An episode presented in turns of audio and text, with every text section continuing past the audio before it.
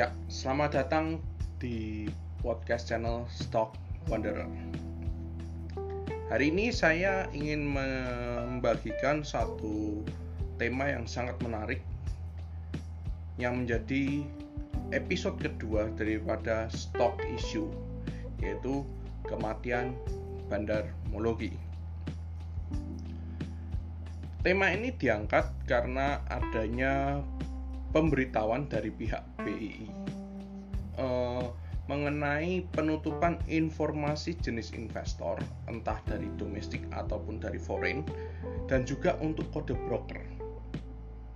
Dan juga tema ini juga uh, menjadi pilihan teratas daripada tema yang saya sediakan yang saya buat voting dari IG story saya. Bisa di follow di uh, Instagram saya di @stevenlewi Nah, istilah dari kematian Bandar Mologi ini sendiri sebenarnya muncul dari beberapa pelaku saham, opini dari beberapa uh, pengamat uh, pasar saham dan juga dari beberapa opini di sosial media. Bahwa ketika kode broker dan juga jenis investor ini ditutup seolah-olah mematikan uh, tentang Bandar Mologi ini sendiri. Dan beberapa juga me menyimpulkan atau bahkan menyatakan bahwa ini sebenarnya malah menjadi kemunduran daripada BII karena dia menutupi daripada informasi yang seharusnya menjadi transparan. Tapi di sisi lain tidak banyak pula, eh, tidak sedikit pula saya maksud eh, yang menyatakan bahwa mereka cukup pro untuk eh, penutupan informasi ini sendiri. Nah, ini ini sendiri saya akan sedikit masuk ke dalam beberapa poin yang saya kira cukup penting untuk dibahas. Yang pertama saya harus melihat daripada uh, after effect yang kemungkinan terjadi. Tapi sebelum itu, sebelum saya lupa, saya ingin mencantumkan satu satu poin kecil yang kemarin banyak terlewat juga sebenarnya yang ditutupi pada awalnya saya nggak tahu ke depan akan full ditutupi atau tidak tapi pada awalnya yang ditutupi adalah live trading uh, ketika jam-jam live trading. Atau lebih tepatnya ketika jam market. Artinya info daripada uh, kode sekuritas itu akan tetap ada akan tetap muncul dan juga uh, flow net value daripada asing ataupun juga dari domestik itu akan tetap muncul. Tetapi ketika jam market sudah tutup artinya kita sudah tidak akan melihat lagi nanti di pertengahan tahun nanti adanya uh, running trade berisi tentang jenis investor dan kode broker. Kecuali kita lihat di info setelah penutupan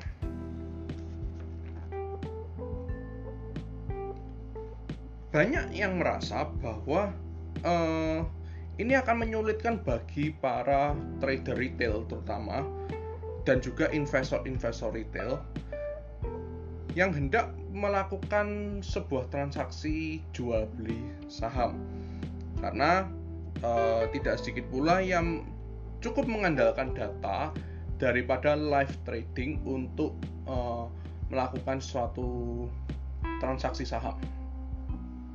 Hari ini saya akan lebih soroti kepada orang-orang yang melakukan trading ya daripada seorang investor.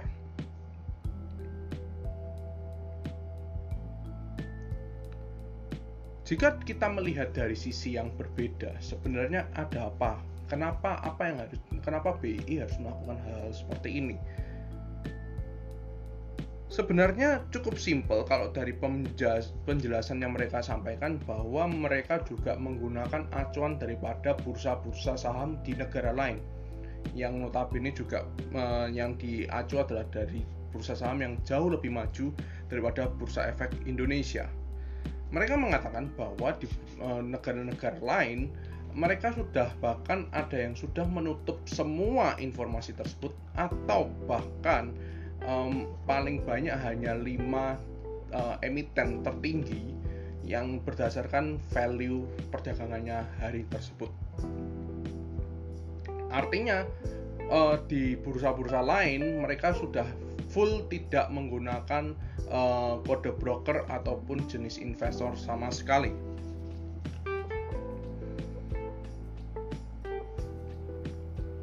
Lalu apa sebenarnya yang ingin disasar daripada BII ini sendiri? Sebenarnya cukup simple. Ini kembali lagi, ini saya masuk dalam opini saya sendiri dan ini bukan bukan uh, adalah suatu hal yang pasti, tapi izinkan saya untuk mengutarakan apa yang menjadi opini saya tentang hal ini. Menurut saya, uh, hal ini dilakukan BI menurut dan melihat perlakuan uh, para pelaku pasar saham akhir-akhir ini.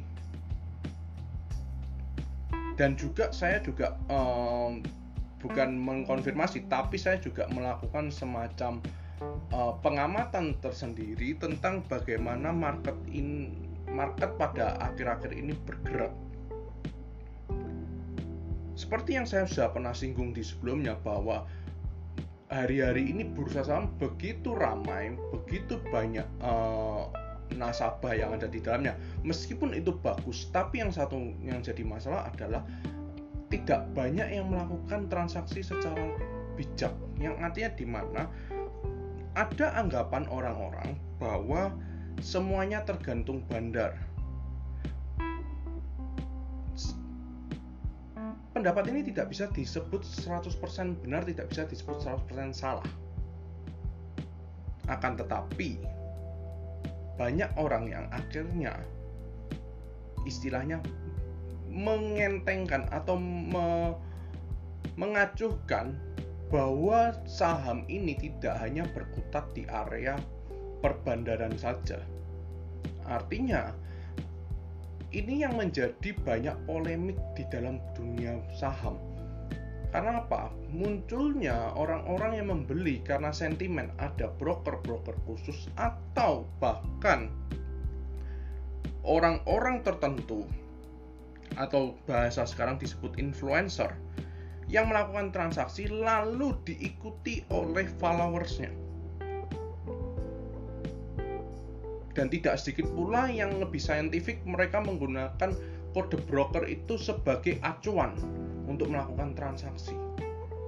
Oh, ketika broker A melakukan transaksi, saya harus ikut buy. Ketika dia melakukan sell, saya ikut sell.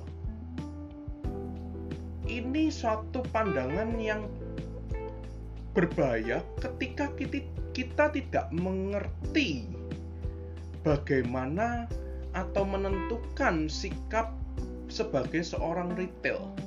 Artinya kita tidak bisa mengikuti apa yang dilakukan uh, market maker lakukan hanya sekedar mengikuti begitu saja. Kita harus punya acuannya sendiri. Inilah yang menjadi dasar kenapa menurut saya ini yang menjadi dasar kenapa BI melakukan hal seperti ini. Nah, dari sudut pandang saya sebenarnya cukup disayangkan saya sendiri cukup uh, orang yang cukup aktif untuk melihat hal-hal seperti ini sejujurnya. Tapi di satu sisi saya sangat setuju untuk hal-hal seperti ini dilakukan. Mengapa? Karena saya cukup prihatin dengan adanya orang-orang yang melakukan transaksi tanpa dasar.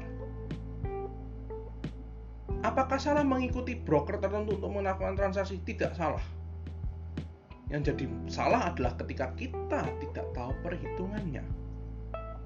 Risk to rewardnya berapa, kita mau entry di harga berapa, mau sell di harga berapa, kita mau um, melakukan apa, taktis money management apa yang harus kita lakukan, dasarnya apa lagi, itu tidak bisa. Ketika kita melakukan suatu action, kita harus didasari dengan suatu alasan yang saintifik dan alasan yang saintifik tidak berasal dari satu sumber tapi ada berasal dari beberapa sumber yang cukup terpercaya yang sudah teruji yang kita juga sudah analisa secara mendalam lalu kita gabungkan menjadi satu keputusan satu uh, rekomendasi untuk diri kita sendiri. Inilah yang sering kali kita ini selalu lewatkan. Saya cukup uh, khawatir kalau kode broker dan jenis investor ini terus dibuka selama live trading ini mempengaruhi psikologi daripada retail yang masih belum memahami pergerakan di market. Dan dari saya sisi saya sendiri saya melihat banyak hal eh, hal-hal yang abnormal daripada market baik yang sudah pernah saya jalani ataupun dari apa yang pernah saya lihat dari data-data yang sudah saya pernah baca dan saya analisa sebelumnya hari ini market bergerak sangat liar. Sekali lagi saya tidak mendiskreditkan orang-orang yang uh, istilahnya kalau sekarang ada istilahnya angkatan corona, adanya trader angkatan corona. Saya tidak me, uh, mendiskreditkan orang-orang tersebut tidak. Saya juga mengenal beberapa orang yang mau mau belajar banyak, eager untuk belajar banyak di dalam market yang jadi masalah adalah ketika orang-orang entah angkatan corona atau bahkan sebelumnya yang tidak punya dasar cukup kuat dan mereka e, melakukan transaksi asal-asalan. Ini sebenarnya adalah tindakan preventif yang dilakukan oleh bursa efek kepada nasabahnya.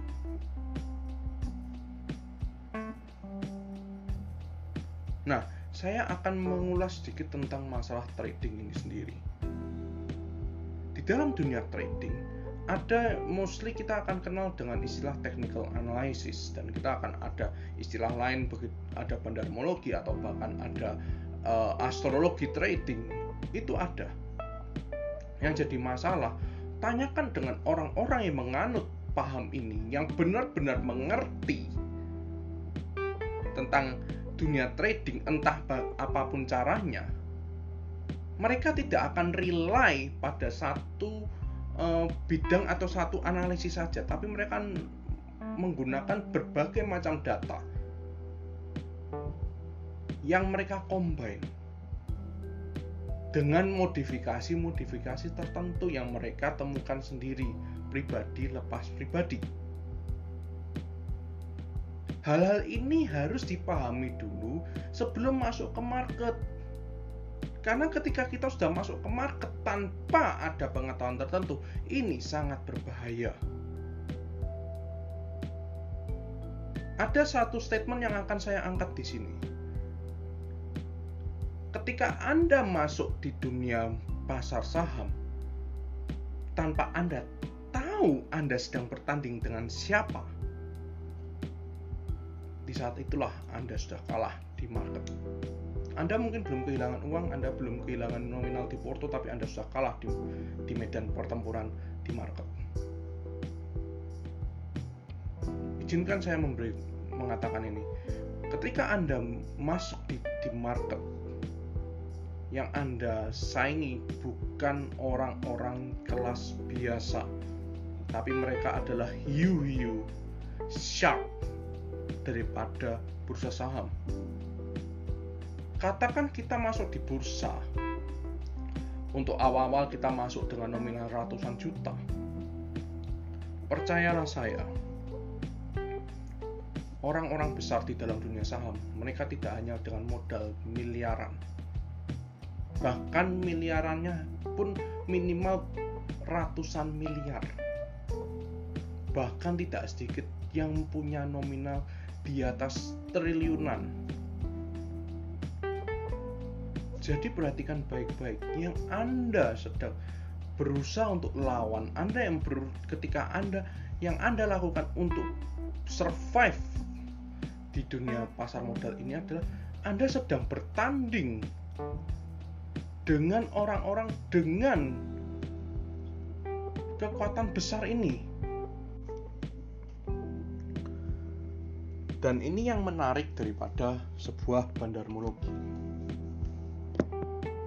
bandarmologi ini tidak sesempit hanya mengikuti kode broker atau jenis uh, investornya. Bandarmologi ini ilmu yang sangat luas. Tidak kalah luas dengan technical analysis, fundamental analysis, bandarmologi ini pun ilmu yang sangat luas. Karena apa? Bandarmologi tidak hanya dilihat daripada pergerakan dari dua hal atau dua poin tersebut, tapi bandarmologi juga terlihat daripada technical analysis juga akan terlihat dari bagaimana pola pergerakannya, bentuk daripada chartnya, atau bahkan daripada pola bit overnya. Memang terkesan begitu rancu, tetapi percayalah bahwa bandarmologi ini tidak sesempit itu. Dan ketika kita tidak mau atau bahkan kita merasa aku tidak punya waktu untuk belajar, aku sudah capek, aku taunya ini, aku taunya itu. Percayalah, di momen itulah Anda sudah kalah. Pertanyaannya adalah satu. Mau menang atau mau kalah? Kalau Anda mau menang, belajar yang banyak Jangan di drive karena keinginan cepat kaya. Belajarlah untuk bisa survive di satu bidang. Mengerti bidang itu, menjalaninya, belajar di dalamnya, mendapatkan pengalaman, dan menjadi bijak di dalamnya. Saya ingin setiap kita bisa ngerti bahwa market ini menjadi satu tempat untuk kita belajar tanpa batas. Di samping itu kita juga bisa mendapatkan profit. Akan tetapi yang jauh lebih penting adalah kita bisa dapatkan wisdom daripada pasar modal yaitu pasar saham. Saya mendoakan untuk setiap kita bisa profit kita semua bisa baik, semua bisa tetap sehat, semua bisa tetap bahagia. Salam profit untuk semuanya.